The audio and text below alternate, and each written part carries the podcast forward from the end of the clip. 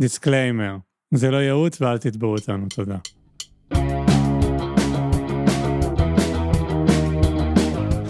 אתם מאזינים לקצה זכאות, פודקאסט על כל מה שסקסי בבירוקרטיה הישראלית. עם אפרת שמיר. ותומר מאירי.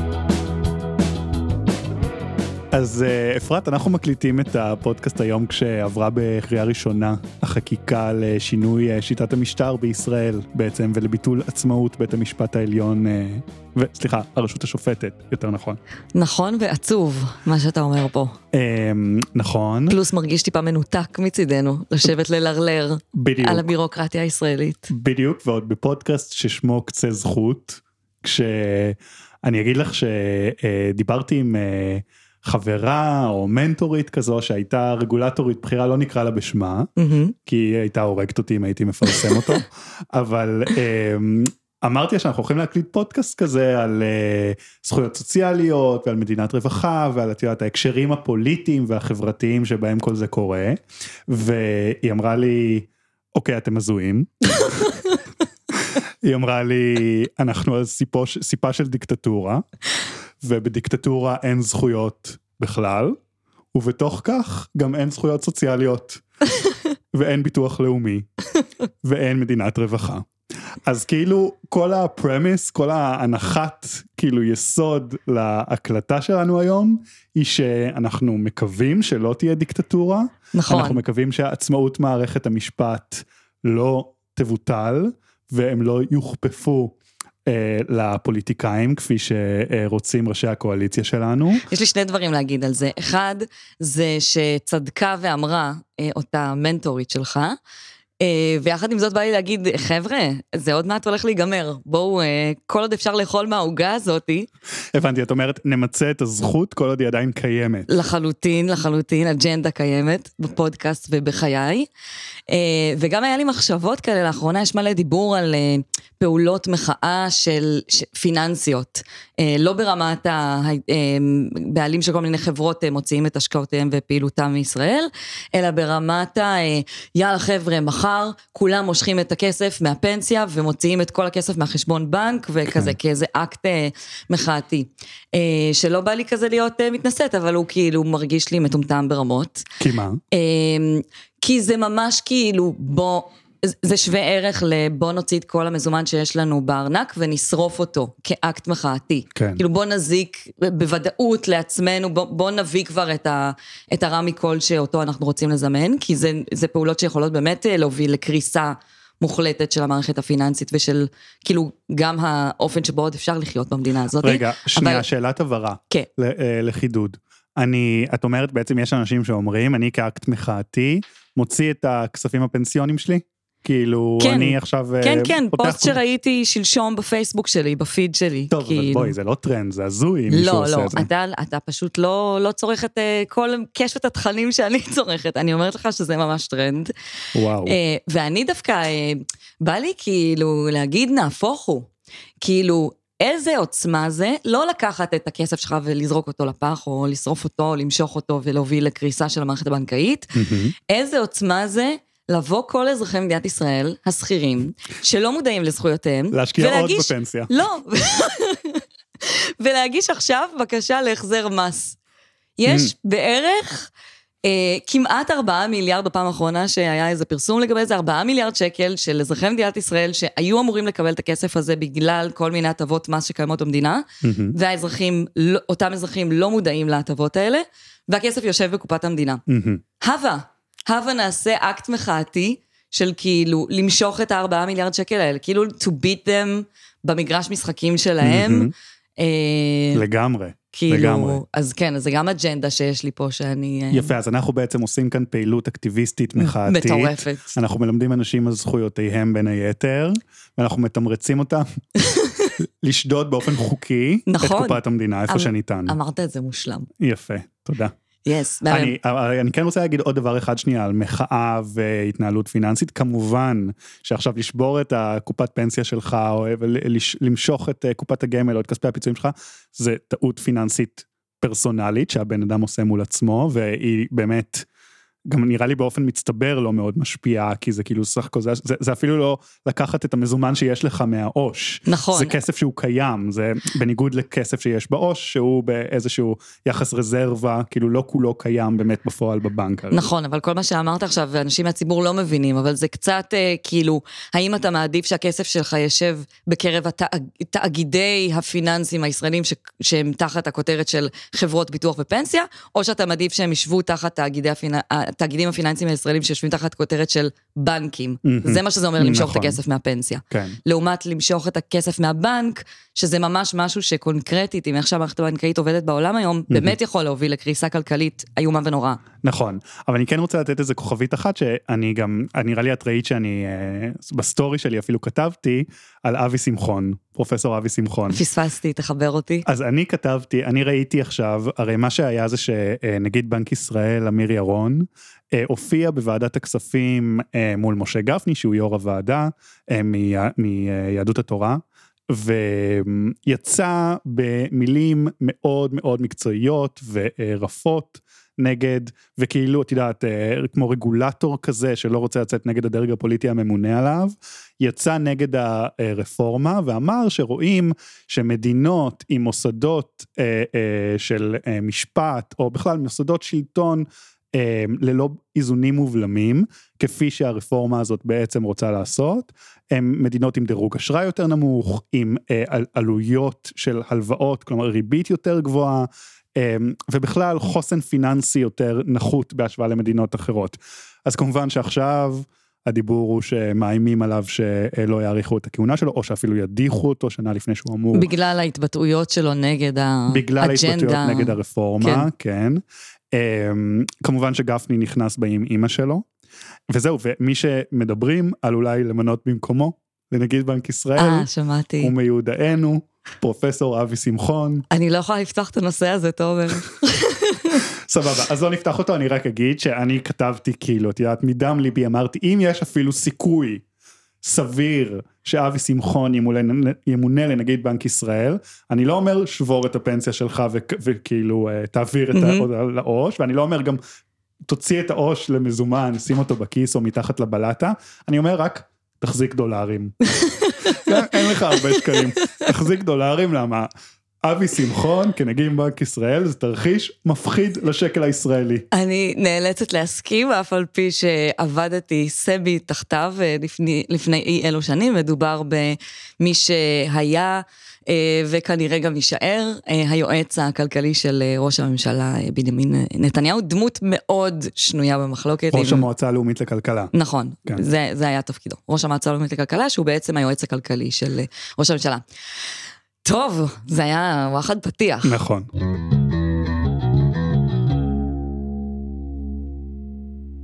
טוב, אז בעצם אה, הנושא הקונקרטי יותר שלנו היום, הוא הנושא של אבטלה וסיום עבודה. אתה רוצה רגע להגיד איפה זה פוגש אותך, תומר? פגשתי במקום מאוד מאוד אישי, אפרת. אני פוטרתי באמצע נובמבר. אה, מפייסבוק, ומאז אני מובטל.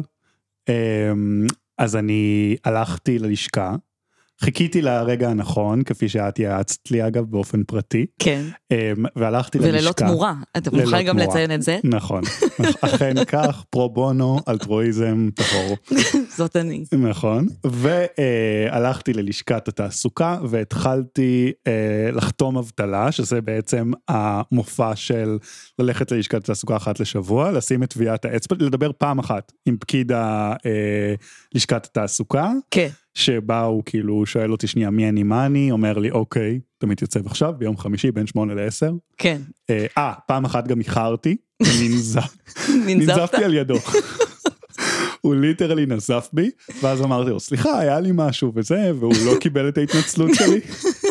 הוא לא קיבל את זה שיש לך דברים לא- הוא שהם לא. לחתום בלשכה. מבחינתו, שמונה עד עשר, יום חמישי אני בלשכה, כך יהיה. אלא אם כן אתה הולך לראיון עבודה או מביא אישור רופא. אה, מביא. אישור רופא אפשר? כן. הבנתי. אז אני אשקול לעשות את זה השבוע, כי יש לי אה, שן בינה שנעקרה והיא כואבת. אמ, אבל אה, בקיצור זהו, אז עכשיו אני מובטל. אמ, ואחד הדברים הראשונים שהייתי צריך להתמודד איתם במובטלות שלי, היא להוכיח לביטוח לאומי שאני אכן פוטרתי. אמ, ולא התפטרתי. עכשיו, הם היו כאילו, אם, את יודעת, פייסבוק פיטרו 11 אלף איש. ואני פוטרתי באותו יום שבו כאילו יצאו ההודעת הפיטורים הזאת, אבל בסדר, אני מבין שצריך להוכיח את זה אמ, למשטר, אמ, אבל הם לא קיבלו את זה שאני הם לא פוטר- קיבלו את זה. לא, בגלל שאני, המכתב היה באנגלית ולדעתי, אני כאילו לא רוצה לעלוב באף אחד פה, אבל לדעתי הם לא, לא הצליחו להבין מהמכתב הזה שאכן פוטרתי ולא התפטרתי, עכשיו שלחתי להם מכתב נוסף, ואני מקווה שהם יקבלו את זה. נכון, אבל את יכולה להסביר שנייה לקהל מאזיננו למה זה בכלל משנה? כן, אז נראה לי זה ממש הזדמנות טובה להסביר מה בעצם ההבדל בין להיות אה, מתפטר ללהיות מפוטר. אה, קודם כל, נראה לי שההבדל בראשים של, באיך שאנשים שתופסים את זה, זה הרבה יותר דרמטי מאיך שזה במציאות. אה, בגדול יש שתי זכויות של אנשים שמפוטרים, שבעצם המעסיק הוא זה שיוזם את סיום העבודה שלהם. אה, זכות אחת היא דמי אבטלה, שאתה זכאי לה, ובעצם הזכאות מתחילה מהיום שבו סיימת לעבוד. זכות שנייה היא פיצויי פיטורים, נראה לי נדבר על זה בהמשך, אה, ופיצויי פיטורים הם רלוונטיים רק אם מפטרים אותך, או אם אתה מתפטר בנסיבות אה, מיוחדות. עכשיו, ההבדל בדמי אבטלה, זה, זה לא שמי שמתפטר לא יכול לקבל דמי אבטלה, הוא יכול. פשוט הוא צריך להמתין שלושה חודשים. זאת אומרת, הוא לא מקבל אותם החל מהיום שבו הוא סיים לעבוד, אלא שלושה חודשים כנראה שאין לו הכנסה, ואז הוא יתחיל לקבל. אז זה, בגלל זה הם אה, רוצים הוכחות וכאילו מתעקשים על זה, הכל זה התאריך התחלה של התשלום הקצבה. כן. אבל אה, בסדר, אין לי תוכניות עכשיו להיות מובטל המון המון זמן, כאילו זה לא באג'נדה. רק עד שתסיים בדיוק את כל ימי האבטלה שלך. כן? אה, זהו, אז בעצם יש, ההבדלים האלה בין מפוטר למתפטר, הם בעצם מסתכמים בזה, האבטלה, כמו שאמרתי, זה ביום, התאריך שהחל ממנו אתה מתחיל לקבל את הקצבה של הדמי אבטלה, הקצבה הזאת מבוססת על המשכורת שהייתה לך, והיא באיזה תקרה של השכר הממוצע במשק, זאת אומרת אי אפשר לקבל שם עשרות אלפי שקלים. אה, והחלק השני זה בעצם אה, פיצויי פיטורים, אה, שזה סוגיה הזויה לחלוטין. אה, אוף, אני מרגישה שאני התבחבשתי בתוך עצמי. דור מאוכזב.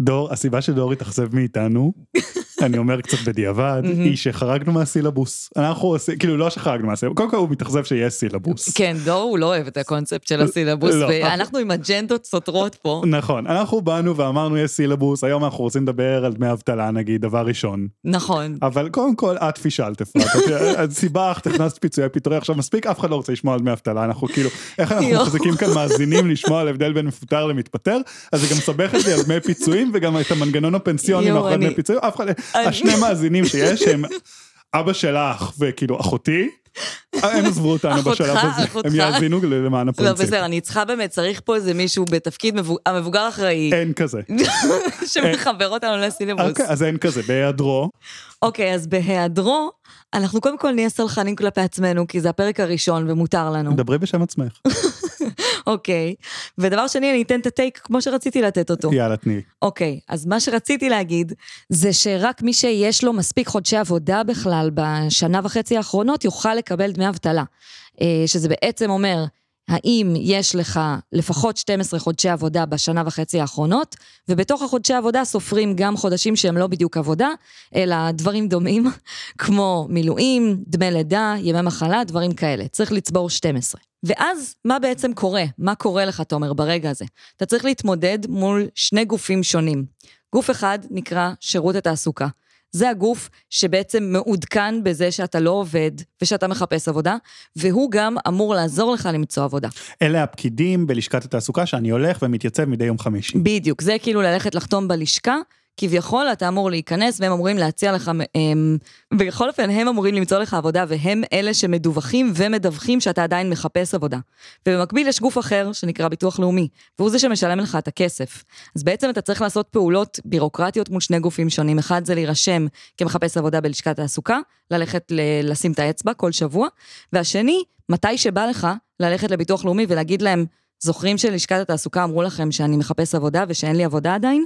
אז uh, עדיין לא מצאתי, תביאו לי את הכסף. אז אני, אני מדגיש, הסיפור פה הוא שאתה, מרגע שאתה כאילו אה, אה, זכאי מהמם. לדמי אבטלה, אתה, אה, גם אם לא סגרת עדיין כלום עם ביטוח לאומי ולא הגשת את הטופסיאדה, לך ללשכת התעסוקה, בול. תתחיל להירשם, תצבור את הימים האלה. בול. מתי אתה מקבל את הכסף אה, באותו זמן ממש, או חצי שנה אחר כך, זה כבר תשבור את הראש עם ביטוח לאומי. אבל קודם שיהיה לך איזה, יהיה לך איזה נעוץ בדיווחים של לשכת התעסוקה. בול, זאת בדיוק, אתה אומר את זה כי אני נתתי לך את העצה הזאת בזמנו. נכון, זה מה שעשיתי בדיוק. יפה.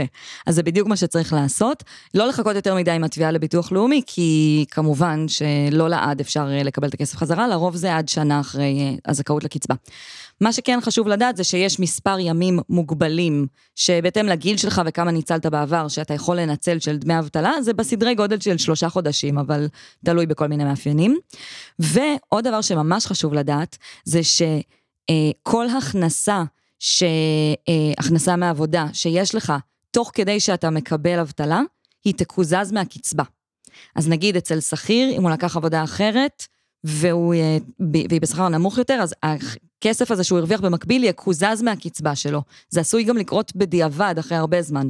יש לנו פינה בהמשך של אה, לעקוץ את המערכת, אז אני ארחיב על זה שם ואיך אפשר לעקוץ את המערכת. שאלונת, זה לא תמריץ שלילי קצת לעבודה בזמן אבטלה? זה לא... אז חכה לפינת לעקוץ את המערכת, אוקיי. יש שם את התמריצים אני- אני לא החיוביים אוהב את לעבודה. הפינה הזאת, אבל. אה, ואצל עצמאים, זאת אומרת, מי שגם עצמאי וגם שכיר וזכאי לדמי אבטלה בגלל שהוא היה שכיר והפסיק לעבוד כשכיר, אז גם אצלכם, או אצלנו, אני גם עצמאית, אה, הכסף שאנחנו מרוויחים על העצמאי אמור להיות מקוזז מדמי האבטלה שלנו. אה, ולרוב, אה, ביטוח לאומי לא יודעים מה ההכנסה שלנו כל חודש כעצמאים, היא יודעת רק ברמה השנתית, אז היא לוקחת את הרווח השנתי, מחלקת ב-12, מבחינתה זה מה שהרווחנו כל חודש, וזה מה שיקוזז מהקצבה, שזה באסה רצח, אבל אני עושה פה פרומו ל... רגע. את דיברת נורא מהר, אני, זה בלבל אותי הקטע האחרון של עצמאי. אוקיי, אתה מקבל דמי אבטלה נגיד של עשרת אלפים שקל בחודש, במקביל יש לך גיג של אלף שקל בחודש כן, אני עושה כעצמאי. פודקאסטים ומרוויח מזה אלף שקל בחודש. אנחנו לא עושים כסף על הפודקאסט עדיין, נכון. חשוב להדגיש.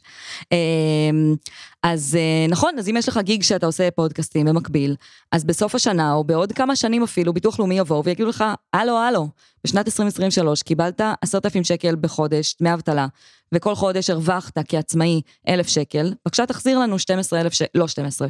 אה, נגיד אתה תהיה שלושה חודשים בדמי אבטלה, אז אה, 3,000 שקל. כאילו הם לא מפספסים דבר, אה? כן, הם, אה, כן, יש את הקטע הזה. אבל אנחנו נעשה פה פרומו לפינת לעקוץ את המערכת, כי לעצמאים יש שליטה מסוימת על הרווח המדווח שלהם בעסק. יש כל מיני פעולות שאנחנו יכולים לעשות בשביל ליצור לעצמנו רווח יותר קטן כביכול על הנייר בעסק. לדוגמה, לדווח על, הוצא, על הוצאות מוכרות בעסק, זה משהו שמקטין את הרווח המדווח שלנו בעסק. אנחנו יכולים אה, לעשות כל מיני פעולות כמו אה, להפקיד לפנסיה או לקרן השתלמות, שזה גם כן כאילו מצמצם לנו את הרווח של העסק על הנייר. בפועל כאילו הכסף נשאר אצלנו בכיס כזה או בכיס ימין או בכיס שמאל, אבל זה דברים שיכולים לעזור לנו לצמצם את הקיזוז הזה של הדמי אבטלה. ועוד דבר אחרון זה שאם אני בעלת עסק, האמת שזה קרה לי, כשהתחילה הקורונה, אה, בדיוק פתחתי את העסק והתחלתי להעביר סדנאות והרצאות, וקיבלתי דמי אבטלה בתקופה הזאת, וידעתי שזה יקוזז, וזה היה בסדר מבחינתי כי רציתי לפתח את העסק. אבל מה שכן אפרת בפתיח אמרנו שנדבר על פיצויי הפיטורים, אבל קצת חפרת מדי עכשיו, לכן אנחנו נגנוז את זה. בסדר, אני מקבלת, אבל אני כן רוצה לדבר על כמה סיטואציות ספציפיות, אה, ממש בקצרה, של אה, מתי אתה יכול בעצם להתפטר ועדיין לקבל את הזכות של דמי אבטלה מהיום הראשון. כלומר, לא לחכות את השלושה חודשים האלה שמתפטר רגיל. בול. צריך לחכות. קוראים לזה התפטרות בדין פיטורים, ויש כזה כל מיני מאפיינים שמאפשרים לך לעשות את זה, ממליצה חמות על העמוד של, כל, של אתר כל זכות שמסביר על הסיטואציות, אבל יש כזה אחרי לידה לצורך טיפול בילד, יש כזה כל מיני דברים קצת יותר חמורים, כמו נגיד אה, בעקבות מעבר למקלט לנשים אה, נפגעות אלימות, כל מיני כאלה. אה, יש גם, בעקב, אם אתה מתפטר בעקבות מעבר ליישוב שהמדינה הכירה בו כיישוב באזור פיתוח, אזורים שהמדינה רוצה לפתח או לעודד את ההתיישבות בהם, דברים קצת היסטוריים שאתה מבין בהם יותר ממני. אמ, ובתוך- לרבות התנחלות. לרבות התנחלות, זהו, ובתוך הסעיף הזה יש סעיף של מעבר להתנחלות או היאחזות, שיש לציין שהמשמעות של זה, זה שאותו אדם שמתפטר לצורך מעבר להתנחלות או היאחזות, מקבל דמי אבטלה מהיום הראשון מהמדינה, בניגוד לכל שאר המתפטרים. נכון. אז באמת היה נשמע מעניין, ובהכנה לפרק הזה אמרתי, mm, מעניין מי חוקק את זה, ומעניין מה היה הדיון הסוער, שבסופו הוחלט להכיל גם אה, על אזורי פיתוח וגם על התנחלויות. אני במתח. אז אני שנייה אתן רקע כללי. אמ, 1964, מהמם. אה, זו השנה, או 1963, סליחה, זו השנה שבה נחקק חוק פיצויי פיטורים וגם נכנס לביטוח הלאומי דמי אבטלה. אמ, עד אז היה נוהג כזה של פיצויי פיטורים לא דמי אבט- אבטלה, כי הביטוח הלאומי לא הכיל את הזכות הזאת, עד אז הביטוח הלאומי רק הכיל זכות של קצבת זקנה, ביטוח אימהות, שזה דמי לידה, וביטוח תאונות עבודה, אבל בעצם מאז שנחקק חוק פיצויי פיטורים, גם אה, אה, דמי אבטלה נכנסו לתמונה. ויגאל אלון, כאשר הוא הציג, שהוא היה שר העבודה, הוא הציג את הצעת החוק הזאת במליאה, הוא בעצם סיפר שהוא קורא לזה ככה, הוא אומר, ואני מצטט, "אה, פיצויים לעובד מפוטר הם אולי הזכות הסוציאלית הראשונה שהעובד בארץ הזאת השיג אותה. קשה לקבוע תאריך מדויק לראשיתו של הנוהג, אך ברור שזה היה בסוף העשור הראשון ובראשית העשור השני למאה ה-20, לא משנה. זה 1964, החוק נחקק, עדיין אין התנחלויות, אנחנו לפני 67. כן.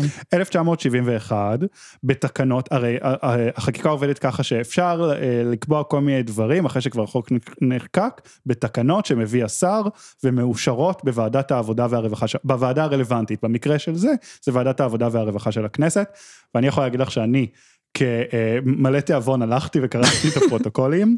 מה קורה מצא- בפרוטוקולים? אני מצאתי שם עין, לא. מצאתי שם נאדה. כל, היה דיון סוער, במסגרתו הסערה הייתה על מי מאשר מה זה התנחלות לצורך קבלת דמי אבטלה מהיום הראשון ולא שלושה חודשים לאחר מכן. כאילו, על מי מאשר, ולא בכלל על האם אנחנו צריכים לע- לעודד מעבר להתנחלויות, מה המשמעות התקציבית, מה המשמעות גם על המעסיק, כי בהקשר של פיצויי פיטורים זה גם המעסיק משלם. נכון, אז היה ממש דיון סוער על האם שר החקלאות צריך לאשר את זה, שר הביטחון, שניהם, אנשים הציעו שמליאת הכנסת תאשר, היה מי שהציע שראש הממשלה יאשר מה זה התנחלות לצורך קבלת אה, אה, דמי אבטלה מהיום הראשון. אה, עכשיו, וזהו, ובסוף יו"ר הוועדה חטפה ג'ננה, אמרה יאללה זה מה שאני קובעת, אה, אה, אה, שר החקלאות ושר הביטחון, ובזה זה נסגר.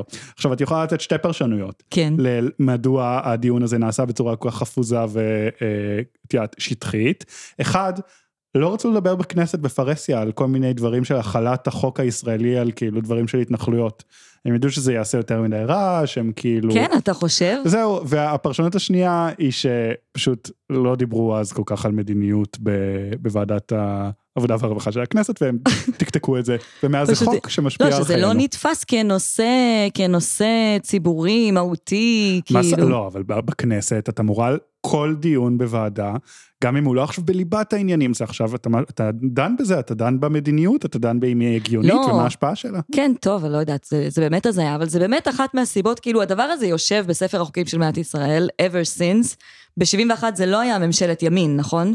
לא, לא, לא, אנחנו עדיין לא בממשלת ימין, 77 זה המהפך שכאילו הליכוד עולה לשלטון, עד אז אנחנו עדיין בשלטון מפא"י ארוך השנים ועתיר המשאבים יחסית. לחלוטין. אז בוא רק נגיד, כאילו, זו לא הייתה ממשלת ימין, הדבר הזה יושב בספר החוקים עד עצם היום הזה, וזה פשוט עוד אחת מהדוגמאות אין ספור לזה שבעיניי פשוט צריך לבוא לכל מערכת החקיקה והמדיניות הישראלית, לעשות control A, delete all, ולהתחיל מההתחלה. כמו שעושים עכשיו למערכת המשפט. רק לא מתחילים אותה מההתחלה. בסדר, אבל אנחנו אה, לא מסיימים בלי הפינה הידועה. מהי? אני לא יודע מהי. הפינה היא לעקוץ את המערכת. הופה. המקום שלי לתת את כל הדברים שמי שלא מעניין אותו לא אמור לשמוע, אבל מי שרוצה לעקוץ את המערכת ולקבל עוד, עוד קצת כסף מהקופה הציבורית, אז אה, זה המקום. יפה. כל, המאז... כל הקהל המעריצים שלך רק חיכה לרגע הזה. אני מתחילה. תתחילי. מכיוון שדיברנו רק על דמי אבטלה, אז אני אדבר רק על דמי אבטלה. כן. יש איזה אה, מיסקונספציה לגבי מה זה הדבר הזה. אה, ובגלל שאנשים לא יודעים מה זה באמת הדבר הזה והקצבה הזאתי, תומר מגלגל עיניים, לא, הייתי חייב להשתעל. זה רלוונטי גם לך. אני מקשיב. זה בדיוק רלוונטי לך, ותכף אתה תבין למה. תסבירי לי. אה, יש איזו מיסקונספציה לגבי מה זה הקצבה הזאת, לאיזה מצבים היא מיועדת, ולכן אנשים גם לא מנצלים אותה עד תומה. בהרבה מהסיטואציות. אז אני אוהבת לחשוב על זה לא כמו קצבה לתקופה שבה אני לא עובדת, אלא סוג של הבטחה מהמדינה או מביטוח לאומי, שבערך 75% מהמשכורת האחרונה שהייתה לי, אני יכולה להמשיך לקבל אותה בחודשים הקרובים. אמ, בין אם אני עובדת ובין אם אני לא עובדת. אמ, אז זה בעצם אומר שמובטל, נגיד כמוך, נגיד עכשיו תמצא תוך חודש עבודה חדשה, והיא תהיה בשכר נמוך יותר מהעבודה הקודמת שלך, סביר, כי יצאת ממעצמת. לא, נגיד, אז בוא, אוקיי, בואי נקנקרט את זה. נגיד הרווחתי 20 אלף שקל בפייסבוק, ועכשיו אה, התקבלתי לעבודה חדשה בעשר. בעשר. מה קורה? אוי, זה, וואי, זה מספרים לא טובים, כי יש תקרה לדמי אבטלה. לא, האמת שזה בסדר, זה אוקיי. מספרים בסדר. התחלת עבודה חדשה והיא בעשר, אתה בעצם יכול להמשיך, תוך כדי שאתה עובד בעבודה חדשה, להמשיך לקבל דמי אבטלה. בעצם השלמה לגובה של הקצבה שהיית מקבל אם לא היית מתחיל עבודה חדשה. זו דרך של המדינה לעודד אותך להתחיל לעבוד, גם אם זה בשכר נמוך יותר. זאת אף זאת, יש גם מענק למובטלים שמתחילים לעבוד בשכר נמוך יותר מהמשכורת הקודמת, אתה תקבל גם מענק וגם המשך של תשלום של הקצבת אבטלה שיש לך. ואת הדברים האלה אתה צריך לדעת, כי אתה צריך לבוא לבקש את זה. אה, רגע, אז, אז לי יש דיסקלקוליה. כן. אז אני אומר לך, אני הרווחתי 20, עכשיו אני שונמכתי, אני מרוויח 10. מהמם. מה יהיה, את יודעת להגיד לי פחות או יותר מה יהיה גובה ההשלמה ומה יהיה גובה המענק שאת מבטיחה לי? ההשלמה היא תהיה עד הגובה של דמי האבטלה שהגיעו לך. הבנתי, נגיד הגיעו לי 12,000 שקל דמי אבטלה, אני אקבל 2,000 שקל השלמה. נכון. ומה זה המענק? אוקיי, זה והמענק, מובן. אני מבקשת שלא תתקיל אותי, כי אני לא זוכרת את המספר. הבנתי, אז תגידי לנו בפרק הבא מה גובה המענק, אבל אני- את, אני- את אומרת לנו שיש כזה. יש, יש מענק, חד משמעית. שהוא גם נובע מאותה סיבה של הפער בשכר בין העבודה הקודמת לעבודה הנוכחית? כן, וגם קשור להיקפי עבודה, אבל לא נלאה, רק נספר שזה קיים, זאת דרך לעקוץ. ו... Mm, מעניין. כן. וצריך לתבוע את זה כאילו באופן אקטיבי מהביטוח הלאומי? זה המשך אה, של בעצם תביעת האבטלה שכבר תבעת, אבל לפעמים אנשים מסיימים עבודה ומיד מתחילים אחת אחרת, בשכר נמוך יותר, והם כן. לא יודעים שבלי יום אחד של אבטלה בין לבין, הם יכולים לקבל את המענק ואת ההשלמת אה, שכר הזאת. מגניב, חשוב. נכון.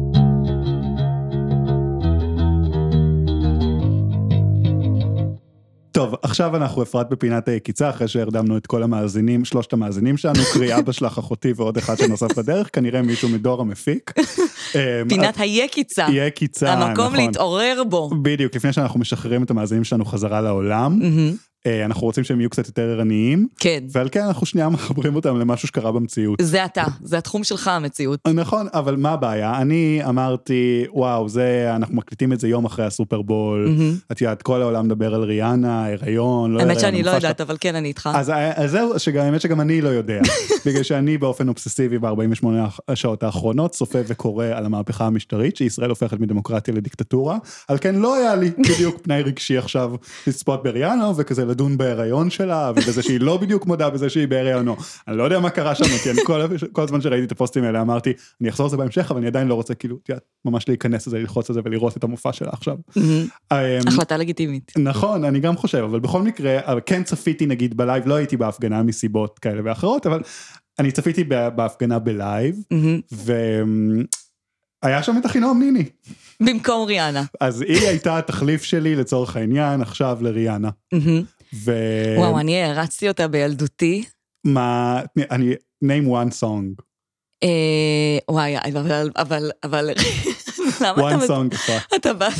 אה, בואי. תשאירי לנו כי אני לא מכיר. לא, שום סיכוי שאני שרה. בפוד. יש לי מרחבים אחרים לשיר בהם. הבנתי. אבל אני רק חייבת להגיד שהייתי כזה יושבת עם העטיפה של האלבום שלה, שכזה השיער שלה שזור בכוכבים. היום היא הייתה מטפחת. אגב, ראית? לא, אני לא ראיתי. אני חושב שעכשיו בימינו היא מסתובבת עם מטפחת, אני, אני לא יודע אם זה עניין דתי או עניין רפואי, ואם זה עניין רפואי, אלוהים שיעזור לי על, מה שאני אומר פה עכשיו, אבל אין כבר את השיער הזה שאת מתארת אותו. מה אתה אומר? זה כן. ממש מפלה, שברון לב לאפרת הקטנה שהייתה יושבת. אז מה היה? הסתכלת על הייתי השיער שלה? משננת את כל, ה, את כל המילים של השירים וכזה, ונשאר לי מקום אה, קטן אליה בלב, גם בדיוק היה איזה סרטון שמתבדחים עליה, איזה אה, מראיין אמריקאי, ראית את זה? לא. הוא כזה אומר, אה, מין כזה, כן, יש כל מיני סוגים של אומנים, זמרים, יש מצב שהמצאתי את מה שהוא אמר, ואז הוא מראה כזה סרטון שהיא עושה קולות של קוקייה. אה, נכון, יש לה כל מיני סרטונים כאלה. יש כן. בעיה שהיא בדיוק, אני לא מבין למה, אני סבבה, באופן אישי אוהב את אחינועם ניני, אבל היא בדיוק כאילו השמאל ההזוי הזה, שאתה לא יכול להביא, כאילו. זה מרחיק את כל הקהלים שהם לא כזה שמאל רדיקלי ומצביעי כזה הרשימה המשותפת. וואי, בול. ולכן זה בדיוק מושלם לסיום הפרק שלנו. נכון, עכשיו אורו. עד כאן קצה זכות. תודה לדור קומט על ההפקה והעריכה, לשם הפודקאסטים על ההפצה הדיגיטלית, לצוף בר-און על העיצוב הגרפי, לסדנת מה מגיע לי, שתכלס לא צריך להודות לה, אבל בא לי לשווק אותה. ולסיום אפרת, אני מקדיש לך את השיר המאוד רלוונטי, לא הבנתי דבר. חשש אמיתי.